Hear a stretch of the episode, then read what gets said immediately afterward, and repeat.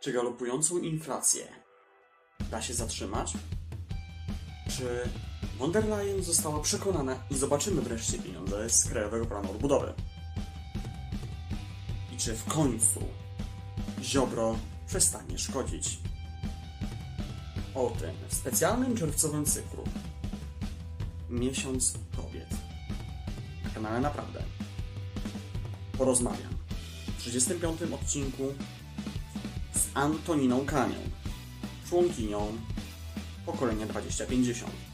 Dawno niewidzianego w moim programie, bo aż 25 odcinków. A teraz czas na nią. Czas na pokolenie. I to, jak jest. Naprawdę.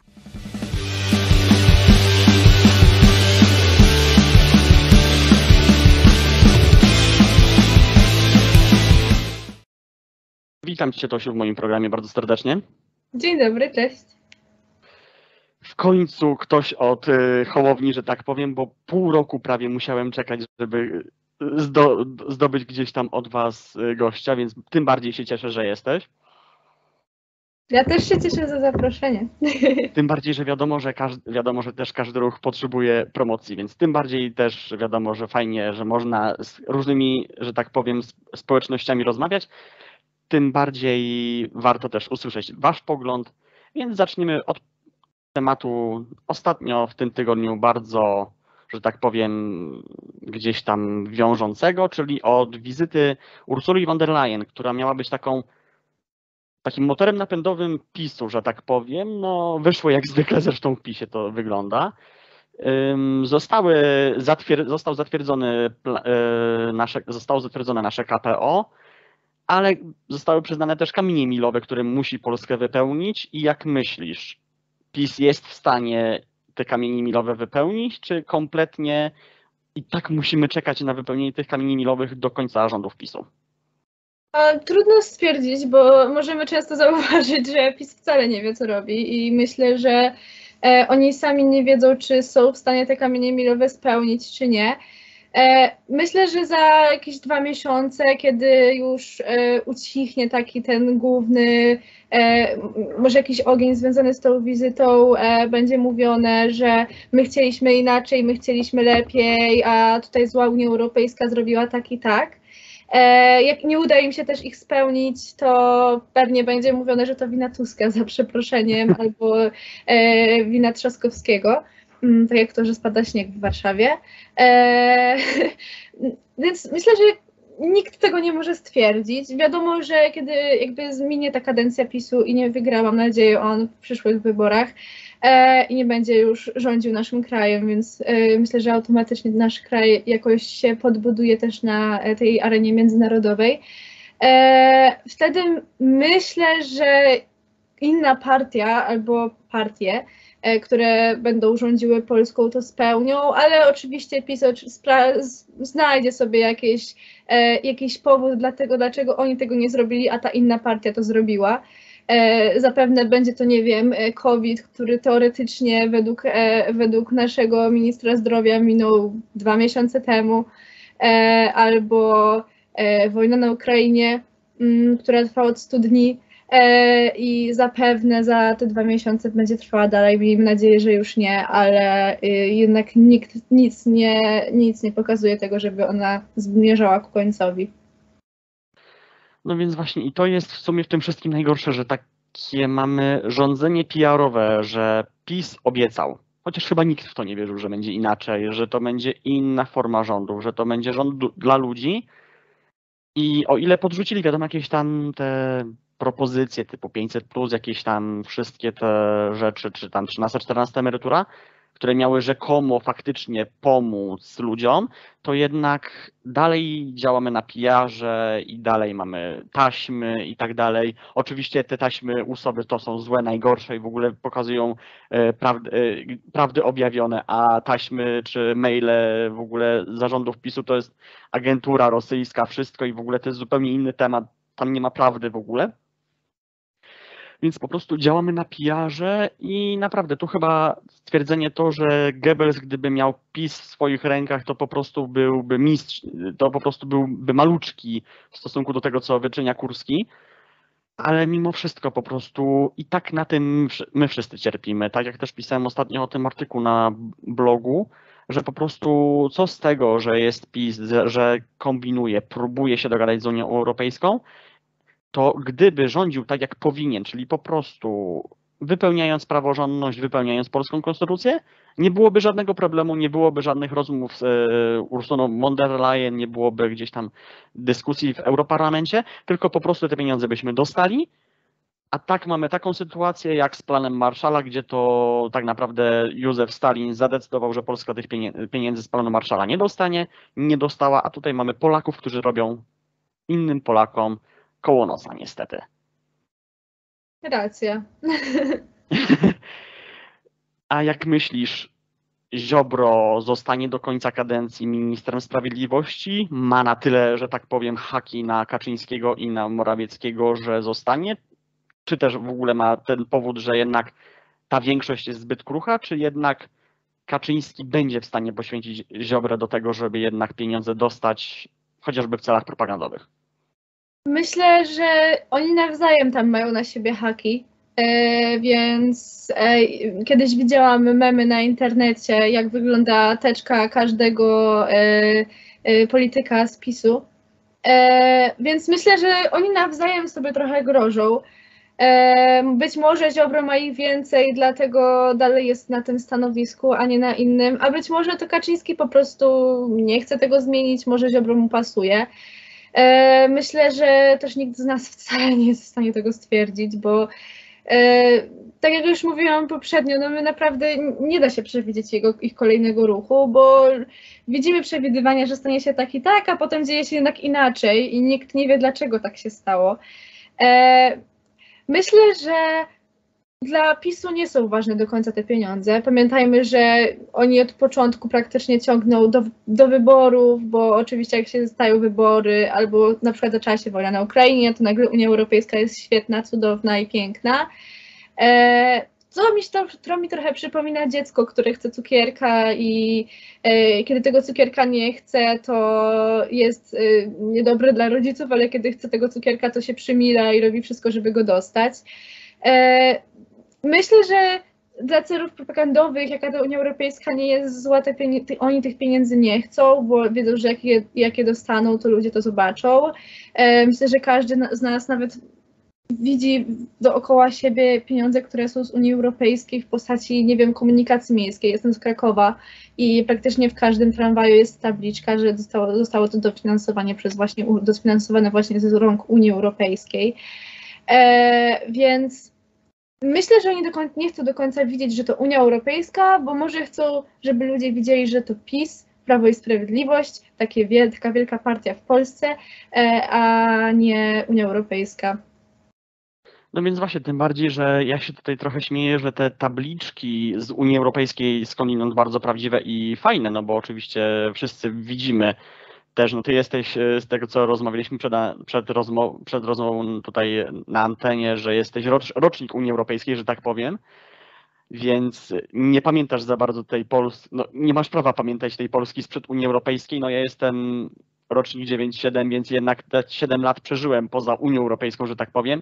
I naprawdę diametralnie widać, jak się zmieniła Polska przez te 18 lat, i no, gdyby nie te pieniądze, gdyby nie Unia Europejska, to by była tragedia, znaczy no może nie tragedia, ale może byśmy byli poziomem gdzieś tam mm, życia zbliżonym bardziej do Ukrainy właśnie niż teraz w tym momencie gdzieś tam do Polski, czyli do no, aspirujących krajów Unii Europejskiej typu y, Hiszpania czy Włochy ale właśnie te tabliczki z Unią Europejską pomału są zastępowane z tabliczkami, nie wiem czy też w Krakowie je widać, y, rządowymi, czyli po prostu nawet jeżeli jeszcze nic nie powstało, jeszcze droga nie powstała, jeszcze jakieś rondo nie powstało, to już tabliczka, że to jest finansowane z rządowych pieniędzy stoi i to jest w ogóle pierwsze, co robią budowlańcy, czyli właśnie ta tabliczka, że to jest finansowane przez rząd polski, flagi Polski wszędzie praktycznie na tej tabliczce i w ogóle jeszcze pod, brakuje podpisu Mateusza Morawieckiego pod tym, Więc po prostu no, to jest trochę zabawne, bo jednak jeżeli coś robimy, to róbmy to do końca, a nie zaczynajmy od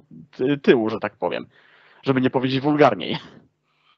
W Krakowie akurat takich tabliczek nie widziałam. Jedynie w sklepach e, oczywiście e, zamiast Mhm. widzieć kasjerkę widzę wielki baner, ile dostali pieniędzy za zwrot z podatków. Em, no nie wiem, w Krakowie, akurat Kraków jest e, na tyle wyjątkiem w Małopolsce, że tutaj raczej e, nasz rząd nie wchodzi, tutaj Kraków się izoluje od wszystkich działań naszego wojewody. E, więc e, nie wiem, musiałabym zobaczyć tę tabliczkę, ale jeżeli rzeczywiście takie są stawiane, to kurczę, no na tych tabliczkach z Unii Europejskiej nie mamy podpisu e, Ursuli von der Leyen, więc no kurczę, ale chciałabym taki Mogłyby zobaczyć. być podpisy Donalda Tuska. tak, i znowu byłoby, och, ta tabliczka zamie- za, z- zajmuje mi widok wina Tuska. Swoją drogą, tak się zastanawiam, ciekawe kiedy w końcu w PiSie wymyślą wina Hołowni albo wina Szymona. Mam nadzieję, że do niczego takiego nie dojdzie, chociaż e, mam, e, mam wrażenie, że jak na początku były takie niedowiarki co do tego, że ruch e, Szymona Hołowni się utrzyma, że to będzie jakkolwiek działało, a działamy już praktycznie dwa i pół roku, więc jakby wtedy było bardzo dużo nakręcane w telewizji na to, że o Hołownia zrobił to, o Hołownia zrobił tamto, o Hołownia zrobił coś źle dla niektórych, a ja mam wrażenie, że takie gadanie tylko napędza to, że my też chcemy działać i napędza gdzieś tą machinę popularności w jakimś stopniu, e, tego, że ludzie dowiadują się, że o, można dołączyć do tego ruchu Szymona, oni nie są tak zamknięci, że tutaj mogę być wolontariuszem, tutaj mogę być członkiem stowarzyszenia e, i e, jakby to też robi dobry PR czasami. e, Bo ludzie rzeczywiście szukają, szukają i widzą, że a to jednak nie jest tak, jak mówili w telewizji, więc trochę uwydatnia też niektóre manipulacje, perswazje w y, niektórych telewizjach w Polsce.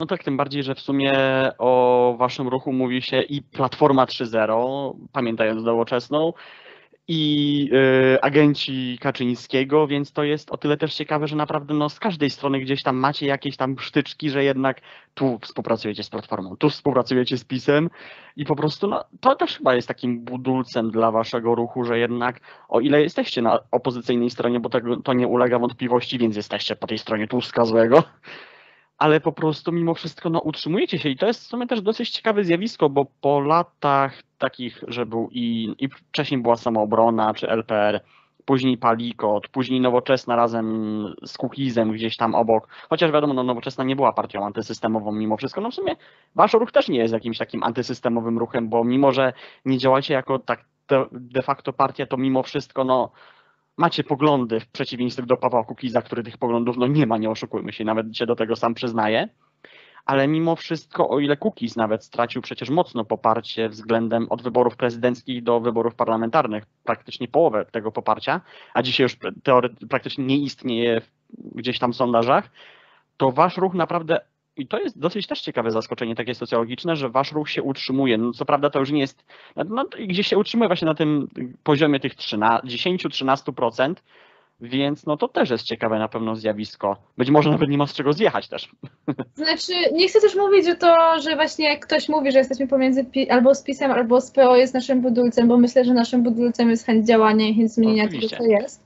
E, ale myślę, że to, że ludzie tak mówią, też uwydatnia to, że my jesteśmy jakby połączeniem, że prowadzimy ten nasz tak słynny dialog i dochodzimy do kompromisów, e, więc e, to jest, mam wrażenie, że dobre, że o nas tak mówią, bo jakby to naprawdę uwyda, uwyda, uwi- uwidacznia naszą naturę i to, co chcemy robić, więc i to, po co ten ruch tak naprawdę został stworzony. Więc nie chcę powiedzieć, że to jest dobre, że tak ktoś mówi, ale e, myślę, że jak ktoś sobie posłucha, mój tata kiedyś oglądał najpierw TVN, potem Polsat i potem TVP, więc jak ktoś sobie posłucha jakby mm, tych zdań o Hołowni, o ruchu, e, naraz to może zobaczyć, aha, czyli oni są po środku, czyli to nie jest stricte PO albo stricte PiS, tylko to jest coś w centrum i być może też się chętnie zaangażuje w nasze działania.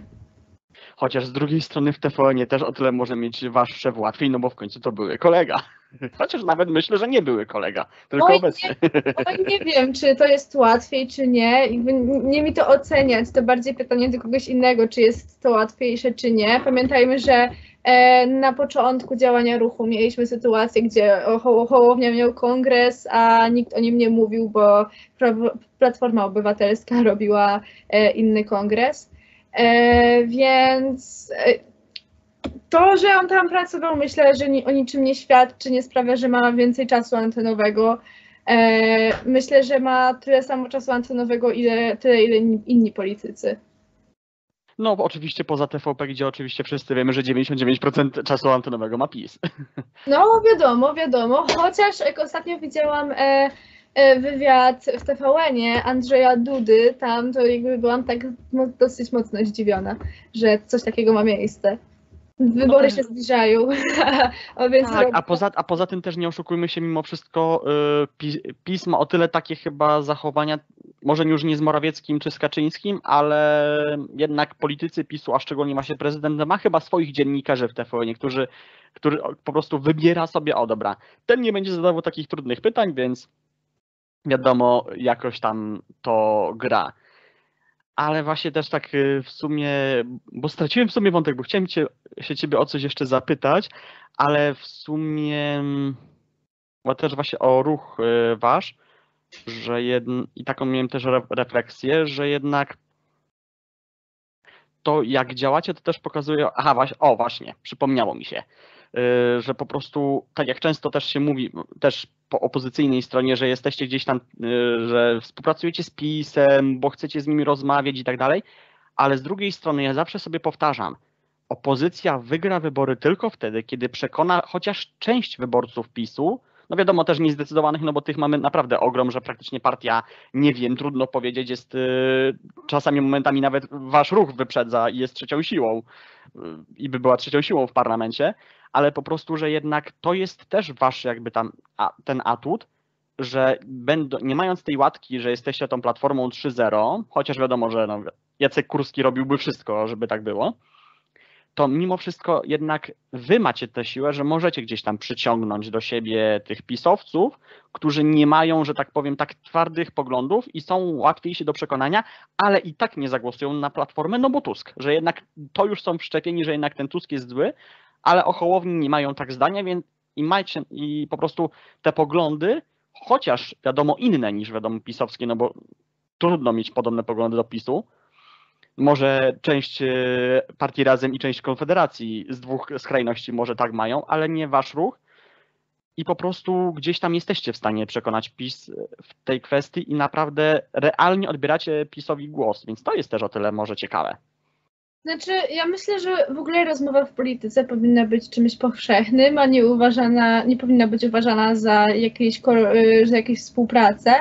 E, uważam, że w każdym aspekcie życia ta rozmowa jest potrzebna. E, To, jest bardzo prosty przykład. Kłócimy się z kimś, to powinniśmy z nim porozmawiać. E, uważam, że to jest naturalne, że mamy tyle partii w naszym parlamencie i zresztą w innych krajach też tak jest. E, I to jest naturalne, że powinniśmy ze sobą rozmawiać. E, Niekoniecznie łączyć się w koalicję, ale jakby rozmawiać, dochodzić do wspólnych rozwiązań e, i jednak starać się dojść do jednego, czyli do dobra Polski tak naprawdę. Oczywiście, że tak, no bo no nie oszukujmy się, no w tym momencie jest raczej, może nie powiem, że pewne, no bo sondaże tego jeszcze nie pokazują, ale raczej bardziej prawdopodobne, że wiadomo, koalicja obywatelska raczej wygrałaby te wybory w 2023 roku, o ile nie będą, prze, wiadomo, gdzieś tam jakieś przewały w PiSie robione. Ale no też na pewno nie widzę jakichś tam problemów, żeby wasz ruch wstąpił do koalicji późniejszej. Nie mówię, że już sam, że na listach wyborczych, ale późniejszej koalicji rządzącej, dostając część ministerstw, wiadomo, być może też z lewicą, być może też y, z PSL-em, chociaż tutaj też wiadomo się często mówi, że wy razem pójdziecie, że jednak połączycie siły i gdzieś tam te 20% być może uciłacie, co też by było myślę dobre. I na pewno negocjacyjnie później y, w koalicji też by było na pewno ciek- ciekawsze, ale po prostu no sam fakt, że no tak jak mówisz, trzeba rozmawiać z każdym, no bo na tym polega polityka i tak naprawdę chyba o tym trochę zapomnieliśmy od 2010 roku, bo chyba w tym momencie trzeba doszukiwać gdzieś tam się już naprawdę tej zerwanej więzi tej Polski A i B mimo wszystko. Chociaż też się mówi o 2005 roku, gdzie tam już te rozmowy PO-PiS zostały przerwane i wtedy się to rozgałęziało, no ale chyba Smoleńsk jednak był tym momentem, gdzie naprawdę to już zostało kompletnie przerwane. Więc po prostu, no, być może no, jesteście taką nadzieją na to, że zacznie, zaczną Polacy ze sobą w końcu rozmawiać, więc tego Wam życzę. I nam Bardzo też jako dziękujemy i my mamy też nadzieję, że speł- spełnimy te takie oczekiwania w stosunku do nas. E, jakby można zauważyć, że my z chęcią rozmawiamy z każdym i e, jakby e, jak są wszystkie memy o naszym dialogu i kompromisie, e, myślę, że moglibyśmy zrobić e, licznik, ile razy powiedziałam dialog, ile razy powiedziałam kompromis. E, jakby uważam, że pomimo, że to może się wydaje śmieszne, że my tyle o tym mówimy, że to jest, no to jest ważne, bo jakby życie polega trochę na kompromisach. I może życie nawet nie polega na kompromisach, ale na dochodzeniu do wspólnych rozwiązań. W sensie to jest bardzo ważne, bo bez tego tak naprawdę nie zrobimy nic, bo będziemy się wiecznie kłócić. Oczywiście, że tak, chociaż a propos memów, to chyba najczęściej, jeśli chodzi o wasz ruch, no to to jest chyba płacą, płaczący Szymon chyba mimo wszystko, a o dialogu to chyba przede wszystkim, co też było w uchu prezesa e, z Władysławem Kosiniakiem-Kamyszem, apeluje, więc, ale sam fakt, że faktycznie no, gdzieś tam te dialogi i apele to jednak jest właśnie typowo, że tak powiem, konik tych, że tak powiem, mniejszych, ale też bardzo no, rozwiniętych partii, tak jak właśnie PSL czy wasz ruch. Być może. Ja się też będę wypowiadała na, na, na temat roku 2005 i 2010, bo niewiele z tych lat Mhm. pamiętam. E, szczególnie, że polityką, co oczywiste, się nie interesowałam jeszcze wtedy. E, myślę, że ciężko byłoby mi się interesować polityką w wieku 6 lat. E, co prawda pamiętam e, moment e, e, wypadku w Smoleńsku, i tej sytuacji, jak w wiadomościach mówili o, o tym, że była katastrofa, że samolot się rozbił i myślę, dokładnie pamiętam, co wtedy robiłam i tak dalej. E, ale no nie wiem, nawet myślę, że jeszcze w tym wieku nie wiedziałam, że istnieje coś takiego jak pies i PO, więc e, ja pamiętam, że było mi przykro, bo ktoś umarł, a nie patrzyłam na to, że umarł ktoś z PiSu czy z PO. Oczywiście nie mówię, że trzeba by się cieszyć z tego powodu, bo absolutnie to nie jest powód do radości, to nie jest żadne rozwiązanie. E, jakby nie chcę się wypowiadać, kiedy ta nic została zerwana, bo też nie chcę mówić, że na przykład winny jest PiS tylko, bo to też nie jest prawda. Wina zawsze leży gdzieś po środku, więc Mhm. Oczywiście, że tak, dlatego też celowo wspomniałem o 2005 roku, no bo tutaj faktycznie gdzieś tam te rozmowy koalicyjne faktycznie mówi się, że były e, zerwane gdzieś od strony właśnie Platformy Obywatelskiej, więc tutaj gdzieś mówię, no to ten Smoleńsk był raczej taką pieczęcią, cho- chociaż powiem Ci szczerze, że akurat tak, jeśli wspominając właśnie kiedy się zacząłem ja na przykład gdzieś tam interesować polityką, też być może pod względem dziennikarskim, no to w sumie chyba u mnie to był właśnie chyba atak na World Trade Center, no to już tak gdzieś kojarzyłem, mając te 4 lata, że no premierem był Miller i tak dalej. Dla ciebie to może być kompletna abstrakcja, bo się urodziłaś być może już za, już za rządów Marka Belki, więc więc no, więc po prostu to jest też wiadomo gdzieś tam z tym związane, ale sam fakt, że no mówię, no oby właśnie dążyć do tego, żebyśmy jednak się jednoczyli, niż żebyśmy się dzielili na pewno. wiadomo, myślę, że jedno, jednoczenie się jest lepsze niż dzielenie. Myślę, że wszyscy wiemy dlaczego, więc No dlatego no też myślę, że no też jako przedstawicielka partii, która należy do grupy Renew czy tam ALDE, wiadomo też różnie się ją nazywa, która no jednak ma gdzieś tam w celu federalizację Unii Europejskiej, więc no tutaj tym bardziej się możemy chcieć łączyć. No, jakby myślę, że to jest naturalne, że dołączamy do takiego ruchu w Unii Europejskiej, że przecież no, dla nas y, jednoczenie się też jest naturalne i jest wpisane w nasze DNA, więc e, jakby pomimo tego, że też widać po naszym ruchu, że osoby są niektóre, które mają kompasy polityczne zupełnie po lewo i są osoby, które mają zupełnie po prawo, e, to jednak znajdują tutaj miejsce i potrafią się dogadać. E, I myślę, że e, jest to też takie pokazanie, że wcale to, że nie wiem, ktoś jest z Konfederacji, a ktoś jest z Lewicy, nie znaczy, że się nie dogadają i nie znaczy to, że będą się zabijać gdzieś po drodze, bo muszą siebie nienawidzić przecież, bo to są zupełnie dwie różne partie. Oczywiście, że tak i tym bardziej, że no zresztą trzeba też, doda- trzeba też dodać, że zresztą oprócz Was y, do grupy Renew należy chociażby Nowoczesna, która należy do Koalicji Obywatelskiej w Polsce, więc to też pokazuje jak można się łączyć. No dokładnie. Znowu zaraz będzie, że współpracujemy z nowoczesną i się łączymy. Oczywiście, że tak, tym bardziej, no w sumie no trochę, znaczy, no fakt faktem was dzieli też gdzieś tam, mam wrażenie, patrząc programowo jednak wasz pogląd, ale no wiadomo, że to też jest też ta zaleta tych partii europejskich, że jednak nie każdy może się łączyć, bo przecież chociażby w takiej Europejskiej Partii Ludowej przez ileś tam lat był Viktor Orban, więc. No tak. Więc, no a teraz właśnie a propos Wiktora Orbana, przejdźmy trochę do tematów inflacyjnych, jednak gdzie ta inflacja, no nawet już nie patrząc na to, że jest ktoś ekonomistą czy nie, każdego nas dotyka, bo nie wiem, czy jeździmy samochodem, czy jesteśmy pasażerami, czy jeździmy komunikacją miejską, czy innym zbiorkomem, ale też chociażby ceny żywności, ceny w sklepach różnego rodzaju, no co też się wiąże wiadomo z paliwami, no, bardzo to bardzo na nas odciska piętno i na pewno nie możemy mówić o tym putinflacja, bo putinflacja nas uderzy dopiero gdzieś za pół roku. Ale zastanawiam się, czy to jest glap inflacja, czy Mateuszo, e, Mateuszo inflacja. Po prostu jak myślisz, jak to rozwiązać? Czy faktycznie te pieniądze już wspomniane z KPO są takim mlekiem na to całe zło inflacyjne, czy mimo wszystko Yy, prezes Glapiński już tak naważył piwa, że on sam tego nie wypije, bo po prostu już będzie na tyle pijany, że nic tak nie będzie w stanie z tym zrobić. Um, znaczy, myślę, że nie możemy nazywać tego jako glapoinflacja albo Mateuszoinflacja. Myślę, że możemy to nazwać dodatkowo inflacja plus różne dziwne wydarzenia, które wynikły w trakcie. E, jakby to, że w czasie ludzi niektórych nie stać na masło w tym momencie, bo drożeje jak szalone. Ja też popatrzyłam ostatnio, to jest taki bardzo, bardzo y, przyziemny przykład, ale poszłam po kawę do Żabki przed szkołą i myślałam, że kosztuje 6 zł. Mm, I poszłam i patrzę, że to jest złotówka drożej. Coś tak wydaje, że to jest złotówka drożej, ale to jest taka mała kawa i 7 zł za coś takiego. I ja sobie tak patrzę, ja byłam e, w 2018 roku w Lwowie e, i e, pamiętam, jak dla nas to było szokiem, że my kupujemy chleb za tam 100 hrywien. I jakby dla nas to był szok, a trochę zmierza to teraz do tego w Polsce.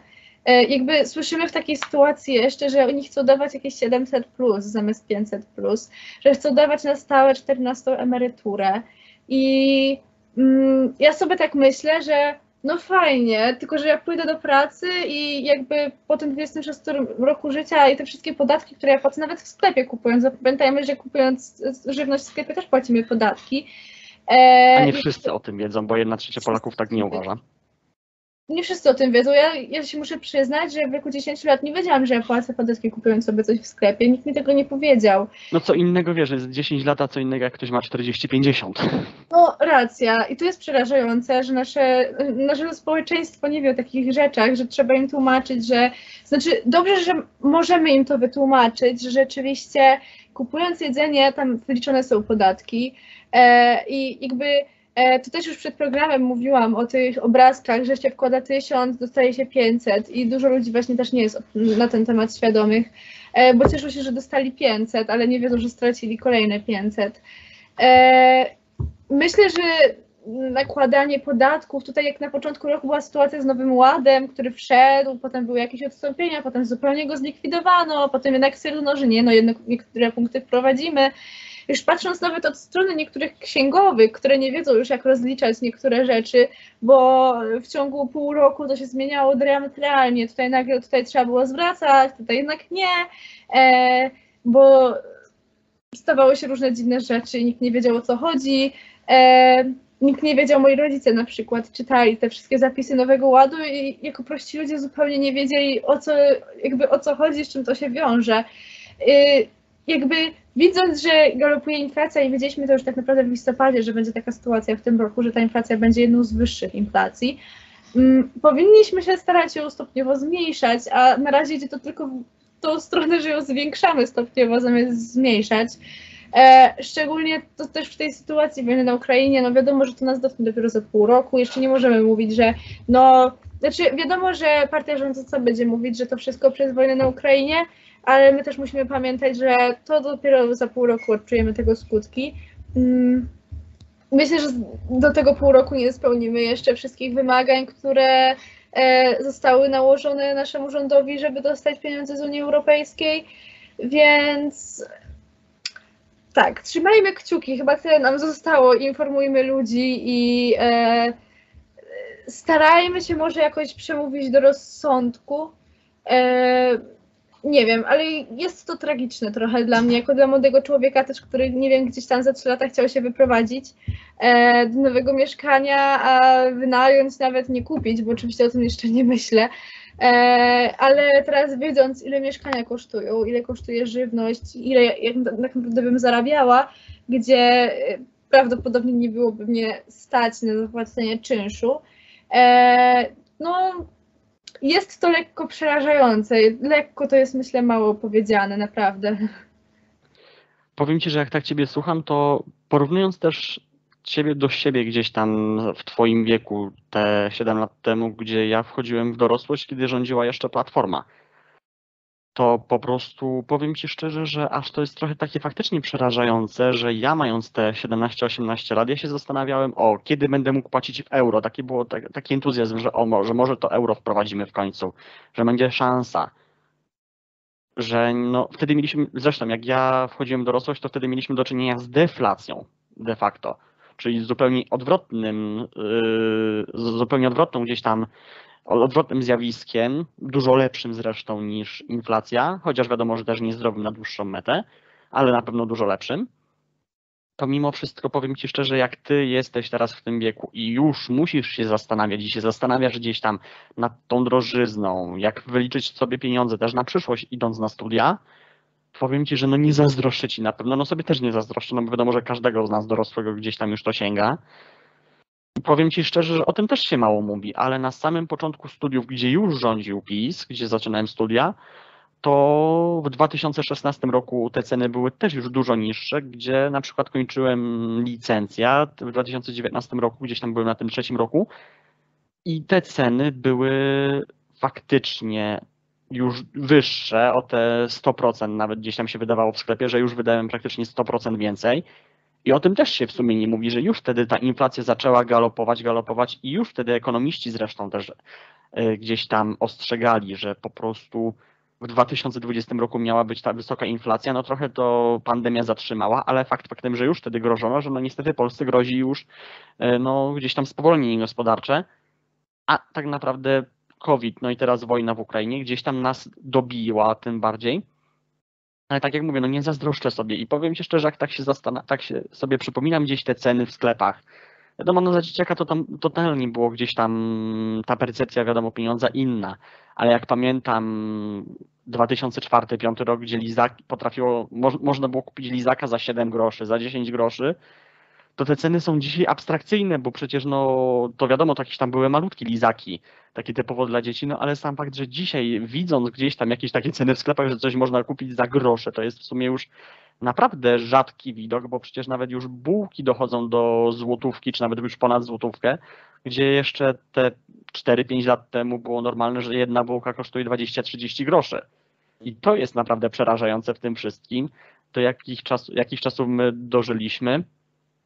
No i możemy sobie nie zazdrościć, bo po 30, lat, 30 latach mamy w sumie podobną sytuację. Pytanie, czy się znajdzie taki drugi Balcerowicz i to posprząta. Trudno to stwierdzić, czy się znajdzie. Jakby ja wolałabym nie ryzykować stwierdzeniem, że się znajdzie albo nie znajdzie. Ja w ogóle wolałabym nie ryzykować tego, że dobra, popsujemy, potem się znajdzie, naprawi. E, e, myślę, że takie ryzyko jest zupełnie zbędne. E, pamiętajmy, że o ile, no nie wiem, mm, my mamy gdzie mieszkać, my możemy sobie pozwolić gdzieś na kupienie czegoś nadal, e, to są osoby, które po prostu no, nie mogą żyć tak jak przed takim wzrostem. W sensie to też pamiętajmy, że to nie jest takie pstryk i nagle nie mogę czegoś kupić, tylko to stopniowo się zwiększa, stopniowo się zwiększa. Tutaj niektóre firmy były w stanie to trochę zatrzymać, no ale teraz już w stanie tego nie są zrobić, no bo brakuje gdzieś tych środków na utrzymanie pracowników, utrzymanie firmy. Więc... Płaca minimalna też niestety rośnie bardzo w e, mocnym stopniu, więc to też dobija tym bardziej pracodawców. No oczywiście, że tak. I pamiętajmy, że tutaj płaca minimalna rośnie, a y, wynagrodzenia niektórych zawodów, które powinny być według mnie wyższe, e, to jak przynajmniej no, zawód nauczyciela czy ratownika medycznego, e, gdzie jakby w ogóle osób pracujących w, e, w pomocy zdrowotnej, bo pamiętajmy, że to nie jest służba zdrowia, tylko ochrona zdrowia, e, jakby takie osoby nie mają więcej pieniędzy w tym momencie. Oni zarabiają cały czas tyle samo, czyli tak naprawdę cały czas zwiększa A się. nie mają czasu na życie. A nie mają czasu na życie, dokładnie. Pamiętajmy, że niektórzy ratownicy medyczni pracujący na kontrakt siedzą w domu dwie godziny dziennie, więc y, jest to tragiczne. I jakby patrząc na ten nasz kraj i na to, jak to się dzieje, i na to, że już mieliśmy tyle protestów za sobą, zresztą ja swoją działalność polityczną zaczęłam od protestu nauczycieli. E, Zresztą mój tata jest nauczycielem, więc trochę też wiem, jak z drugiej strony to wygląda. E, Gdzie nauczyciele siedzą, przygotowują lekcje, sami się douczają, bo starsi nauczyciele też pamiętajmy, że studia mieli już trochę dawniej, a chcą coś nowego uczniom pokazać. E, Robią prezentacje, przygotowują materiały, oceniają sprawdziany i to wszystko robią poza tak naprawdę szkołą, teoretycznie poza pracą i nie dostają za to już pieniędzy, za to, że ocenili sprawdzian, bo według e, na przykład ministra Czarnka e, powinni oni to robić przecież w szkole. Nie wiem kiedy, nie wiem jak, ale powinni robić to w szkole, no bo przecież jak zrobicie to na lekcji, dostaniecie za to pieniądze, jak za lekcję. No więc właśnie, no każdy gdzieś, kto ma gdzieś tam w rodzinie nauczyciela, czy sąsiadów, czy nie wiem, znajomych, no to to widzi na pewno, że to nie jest łatwa sprawa. I naprawdę, no to się chyba nigdy tak naprawdę, no, znaczy chciałoby się, żeby to się w końcu zmieniło, ale na przykład, no też przypomina mi się taka sytuacja, że mój świętej pamięci dziadek był nauczycielem i tak na dobrą sprawę porównując do tego, jak mój tata rolnik, że tak powiem, zarabiał w czasach komuny 3-4 razy tyle, no wiadomo, no też nie można przełożyć, bo wiadomo, że rolnicy zarabiają też na innych zasadach, ale sam fakt, że miał 3-4 razy więcej pieniędzy od nauczyciela w czasach PRL, PRL-u, no to by się wydawało, że jednak w czasach wolnej Polski to zostanie docenione, że jednak ci nauczyciele, no bez nawet nauczyciela by nie, była, nie byłoby dobrego rolnika chociażby. Więc to, że zostanie to docenione, no niestety przez 30 lat wolnej Polski, 33 już, bo przecież nagrywamy to już po 4 czerwca, yy, 33 lata, że to się coś zmieni. No niestety nie zmieniło się i tak na dobrą sprawę, o ile nauczyciel zarabia w sumie no, tylko trochę więcej niż w czasach PRL-u, a rolnik znowu stracił te 3-4 razy wypłaty, więc to się zrównało być może, ale no niestety nie na, taki, nie na taką korzyść, że i rolnika, i nauczyciela na coś stać, tylko po prostu wszyscy biedują. Dokładnie. To jest, e, to jest naprawdę, to jest przerażające, to, to co się dzieje i te wszystkie płace i jak nauczyciele nieraz widzą, że e, na zachodzie nauczyciele zarabiają ile zarabiają i patrzą, że oni wykonują tak naprawdę tą samą pracę co oni, mm, a nauczyciele w Polsce dostają trzy razy mniej pieniędzy za to, co robią, przez co, no nie oszukujmy się, że mają trochę mniejsze prace czasami do, do pracy, nie dziwię się, no bo pracuje się głównie po to, żeby dostać pieniądze, żeby mieć za co żyć. No, akurat ja znam nauczycieli z pasji, wiem, że dużo ludzi nie spotkało takich nauczycieli. Akurat mam to szczęście, że znalazłam, e, że chodziłam do szkoły, w której zawsze przynajmniej jeden taki się znalazł, który no nie pracował dla pieniędzy, ale pracował z pasji. E, Ale wiadomo, że z pasji nie da się wyżyć. Trzeba, trzeba pracować, żeby dostać pieniądze. Mm, Chociaż w naszym kraju to nie zawsze funkcjonuje ten, ten proces, wiadomo. E, Bo można pracować za miskę ryżu. E, owszem, albo można nie pracować i liczyć na kolejne datki ze strony rządu. Em, więc myślę, że jakby to jest straszne. W sensie, jakby patrząc na to, ile nauczyciele poświęcają czasu, tak jak przed chwilą powiedziałam, naprawdę te rzeczy, które wymieniłam, to jest połowa tego, co oni robią. E, to, że oni muszą obsługiwać różne media, nieraz Librusa, co nie oszukujmy się, że dla starszych nauczycieli może być w jakimś stopniu trudne, e, bo niektóre szkoły nie dofinansują jakichś szkoleń. E, no, jest Mamy do tego przedstawienia, przecież jakieś teatralne, apele, komers, y, studniówki, wszystko, więc Tak, i się mówi, że nauczyciele mają dwa miesiące wolnego, a co nie jest prawda. Nauczyciele owszem mają wolne wtedy, kiedy szkoła, ale nauczyciele kończą rok szkolny później niż uczniowie. i zaczynają wcześniej niż uczniowie. Zaczynają wcześniej niż uczniowie, więc e, myślę, że nie mamy co się oszukiwać, że no, zarabiają tak mało, mają dwa miesiące wolnego. No to nie jest racja, bo powiedzmy, że te, ten czas, który spędzają na pracy poza szkołą, zastępuje im te dwa miesiące wolnego. No więc właśnie i tak w sumie no też sama prosiłaś mnie o to, żebyśmy trochę właśnie zahaczyli też o temat e, edukacji. No i w sumie trochę tak połączę trochę i ekonomię z edukacją i też wiadomo to wszystko, bo no nie oszukujmy się, system edukacji w Polsce jest przestarzały.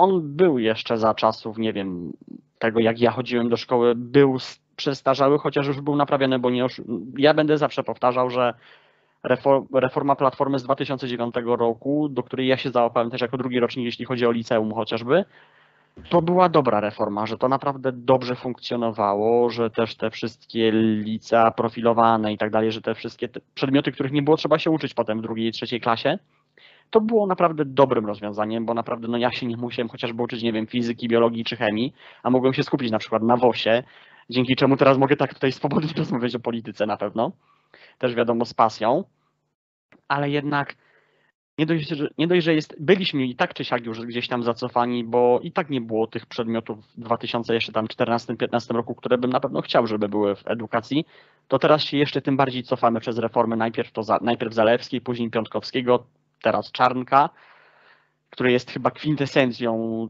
tej myśli pisowskiej, to po prostu no, jest mi trochę żal was jako uczniów na pewno, bo ja sobie wyobrażam taką szkołę, no już pal licho te wszystkie, czy to ma być 8 klas i 4, czy 3, 6 i 3 i 3, chociaż moim zdaniem najlepszym rozwiązaniem na pewno byłoby podzielenie na pewno tej podstawówki ośmioklasowej, na, żeby było 4, 4, 4, nawet nie, nawet nie dzieląc już tej podstawówki, tylko po prostu system jakoś tak podzieli, żeby po prostu 4 lata faktycznie uczyć się przez zabawę, potem te 4 lata, żeby nie dublować na pewno tej edukacji, co miało miejsce w czasach gimnazjum. Wcześniej, jak jeszcze chodziłem z tą starą podstawą programową, bo wtedy faktycznie to było nagminne, że w 4-6 się uczyło tego samego, co w 1-3 gimnazjum, później ci, którzy jeszcze byli pod tą stałą, stałą, starą podstawą programową się uczyli w 1-3 liceum- liceum też tego samego, więc po prostu trzy razy to samo można było się uczyć, tylko z trochę ro- większym rozszerzeniem, a brakowało przede wszystkim, czy to edukacji ekonomicznej, która niestety kuleje i tutaj trzeba przyznać niestety, no bo e, potem mamy to, co mamy, też na pewno jakąś tam edukację fakt-checkingową przede wszystkim, bo to też kuleje przede wszystkim też w starszych rocznikach od nas, że strasznie osoby gdzieś tam w wieku 30-40 i dalej lat są podatne na fake newsy. I no chociażby, no nie wiem, no, edukacja obywatelska, żeby naprawdę uczyć od podstaw tego, jak wygląda państwo, jak się przygotować, nie wiem, do życia, nie wiem, już nawet nie mówię, żeby załatwić sprawę na poczcie, bo to już jest trywialne moim zdaniem, ale chociażby no naprawdę takie podstawowe rzeczy, co załatwić w urzędzie przez internet, jak i to wszystko, ile to trwa, żeby chociaż nawet ci urzędnicy, którzy tam pracują później w urzędach, żeby sami mieli tę świadomość i nie mieli złego podejścia do, do klienta później. I jak ty widzisz to, że po, czy faktycznie je, są potrzebne te edukacje, które wymieniłem, czy byś dodała na przykład swoje jeszcze? Czy No to- uważasz jakimś cudem, że to wygląda dobrze, jak jest? Oczywiście, że nie uważam, że to jest dobre. Ja też jestem, cały czas to powtarzam, jestem pierwszym rocznikiem reformy Zalewskiej i wszystkich innych reform re- edukacji. E, Bo pamiętajmy, że ten rocznik e, słynny europejski e, jest, był testowany na poziomie sześcioletnich uczniów w szkole, potem zmiany edukacji kolejnej, potem tej zmiany z usunięciem gimnazjum i teraz nowej matury. Dobrze, że przynajmniej od połowy liceum nie dołączyli nam historii teraźniejszości i tych ich innych przedmiotów, bo chyba byśmy już zwariowali. Uważam, że powinniśmy jeszcze do tego dodać edukację klimatyczną i obywatelską, bo dużo osób nie wie, jak działa klimat, co się dzieje na świecie. Na przykład jak ktoś mnie pyta, dlaczego w sumie wy macie w tym nazwie rok 2050? W ogóle przecież to jest tak daleko.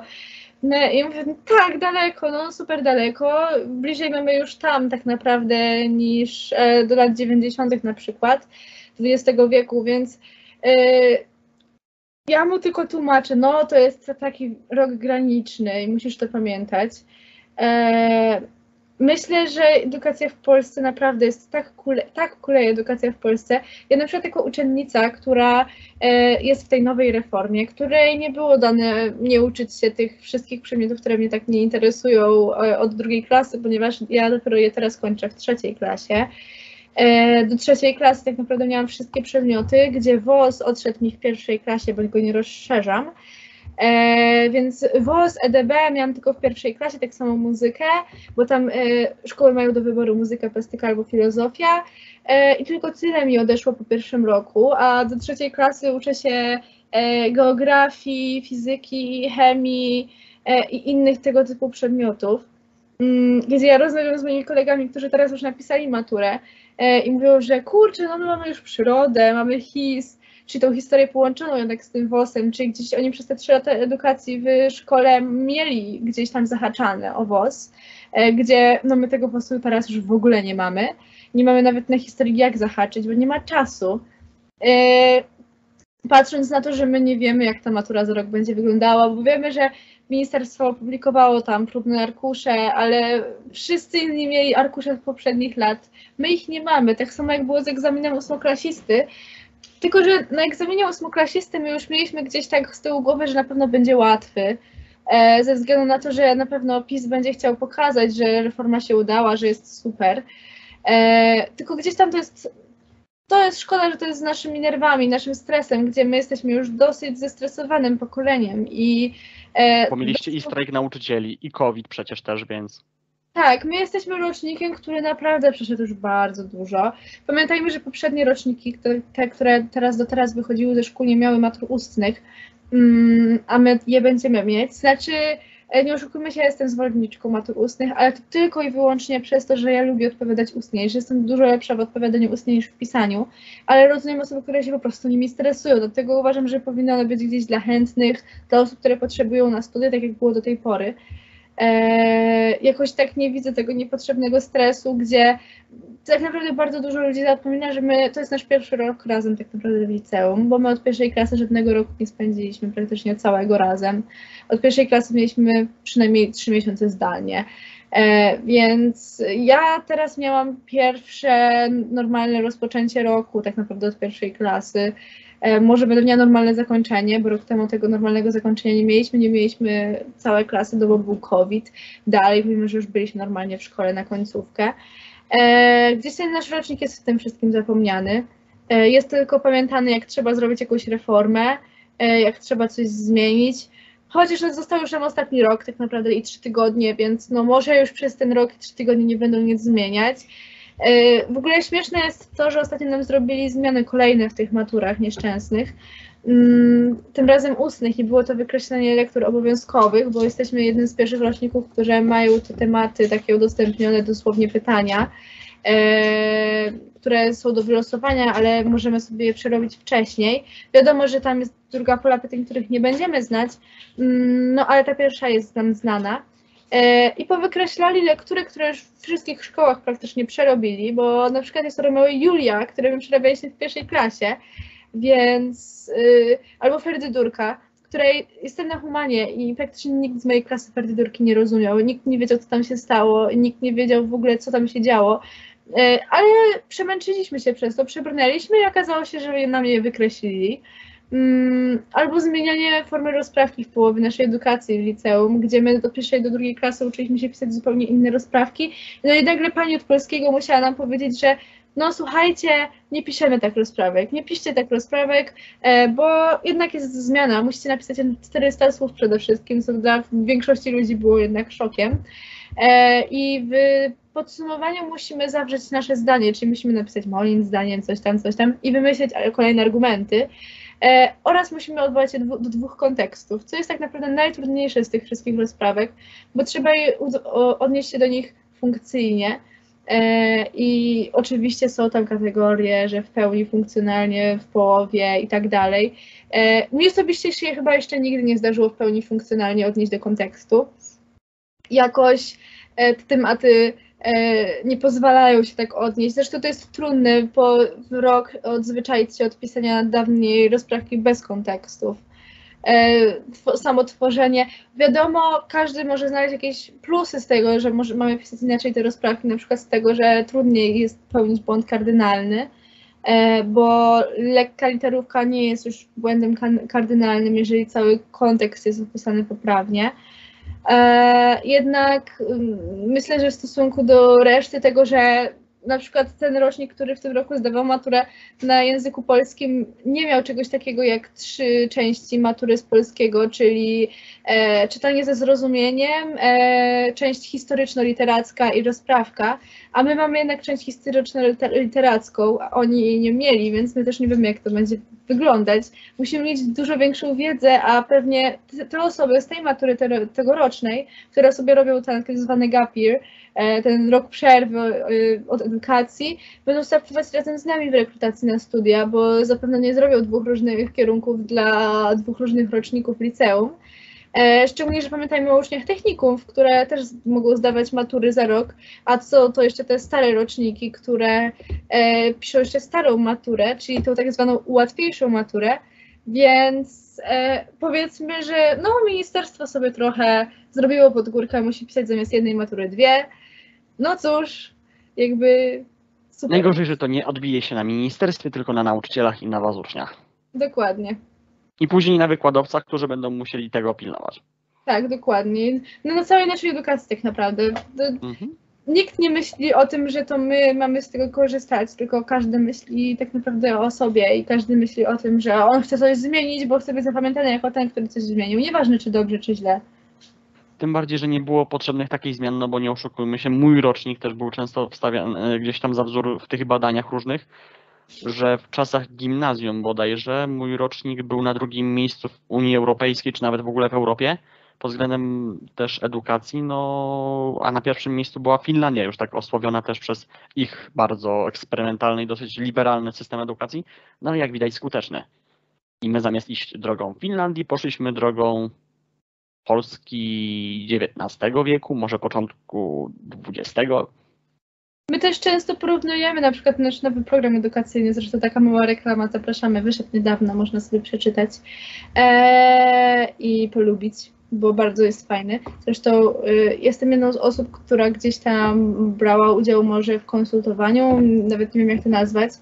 Mm, Myślę, że każdy uczeń z pokolenia brał udział, więc też jest super, że mogliśmy się zaangażować.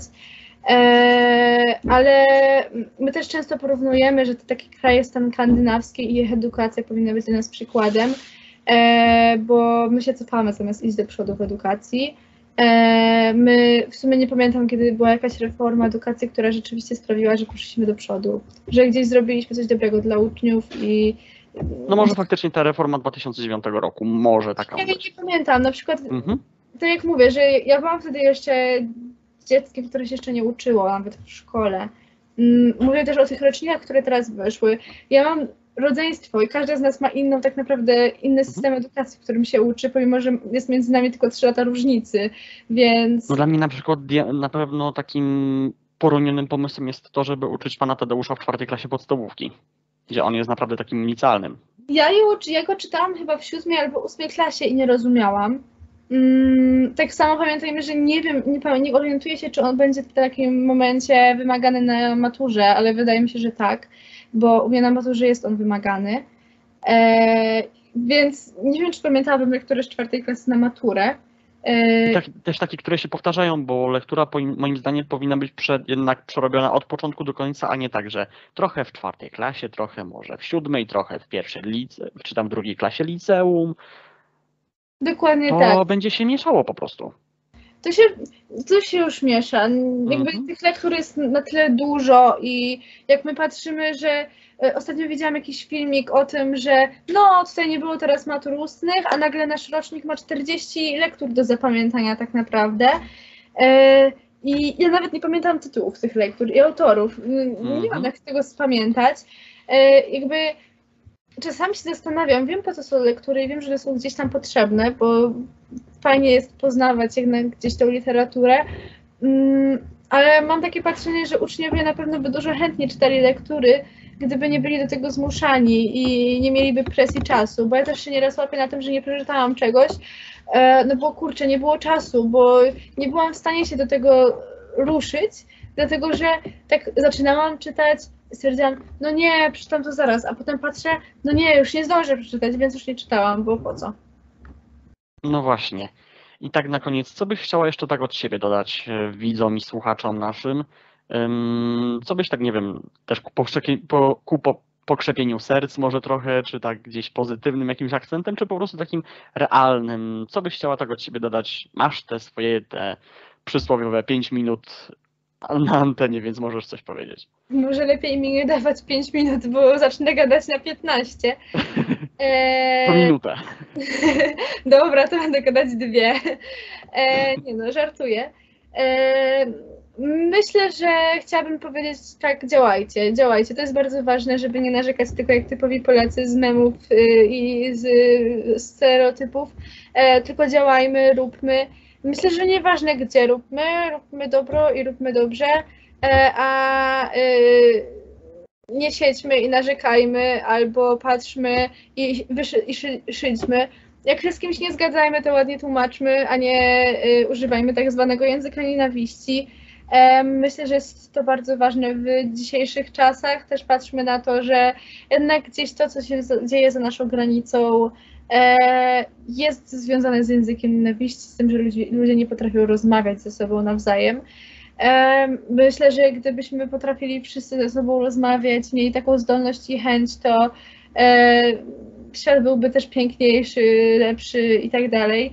Mm, Uprawiajmy ten tak zwany dialog. Po prostu już powiedziałam to chyba tak liczę, że jest szósty raz w, w tym filmiku, ale e, dialog jest ważny. Po prostu rozmawiajmy, bo my jako młodzież też potrzebujemy rozmawiać, potrzebujemy pokazać nieraz tym starszym politykom, że e, my potrafimy rozmawiać i trzeba się liczyć z naszym zdaniem, bo my czasami zachowujemy się lepiej niż oni. Pamiętajmy, że były sławne, sławne przekleństwa na komisjach sejmowych. E, I ja jako była parlamentarzystka Parlamentu Młodych Rzeczypospolitej e, też wiem, jak, jakie były tam zachowania i nigdy nie było, takiego, nie było takiej, takiej sytuacji, żeby ktokolwiek przeklinał. E, więc myślę, że warto, żebyśmy dalej pokazywały, pokazywali i pokazywały, e, że potrafimy być bardziej kulturalni i bardziej sprawczy może w pewnym kiedyś e, niż e, teraźniejsi politycy i polityczki. Tak jest. I tym optymistycznym akcentem, też kobiecym, bo to teraz miesiąc kobiet u mnie na kanale, także jesteś tą, że tak powiem, pierwszą częścią tej historii kobiet na tym kanale, tej opowieści o kobietach z różnych stron politycznych. I dziękuję Ci bardzo serdecznie za rozmowę. Ja też bardzo dziękuję za zaproszenie. Moją gościnią, bo chyba tak też Cię mogę nazwać, myślę, Była- była dzisiaj Antonina, a jak woli, Tosia Kania, współzałożycielka i członkini pokolenia 2050. Jeszcze raz Ci dziękuję. Też bardzo dziękuję. A ja zapraszam Was na kolejne odcinki, na kolejne trzy części dotyczące czerwca jako miesiąca kobiet. Zapraszam też na drugi program, nieobiektywnie, na fanpage na Facebooku, mój profil twi- twitterowy, na YouTube'a, na Spotify, na bloga naprawdę.blog i na Instagrama. A na YouTubie lajkujcie, subskrybujcie, klikajcie łapki w górę, bo to o to prosi też algorytm YouTube'owy, więc trzeba to zaznaczyć. Dziękuję za uwagę i do zobaczenia w kolejnych odcinkach. Oglądajcie, słuchajcie, czytajcie. Wszystko o wojnie w Ukrainie, ale nie tylko.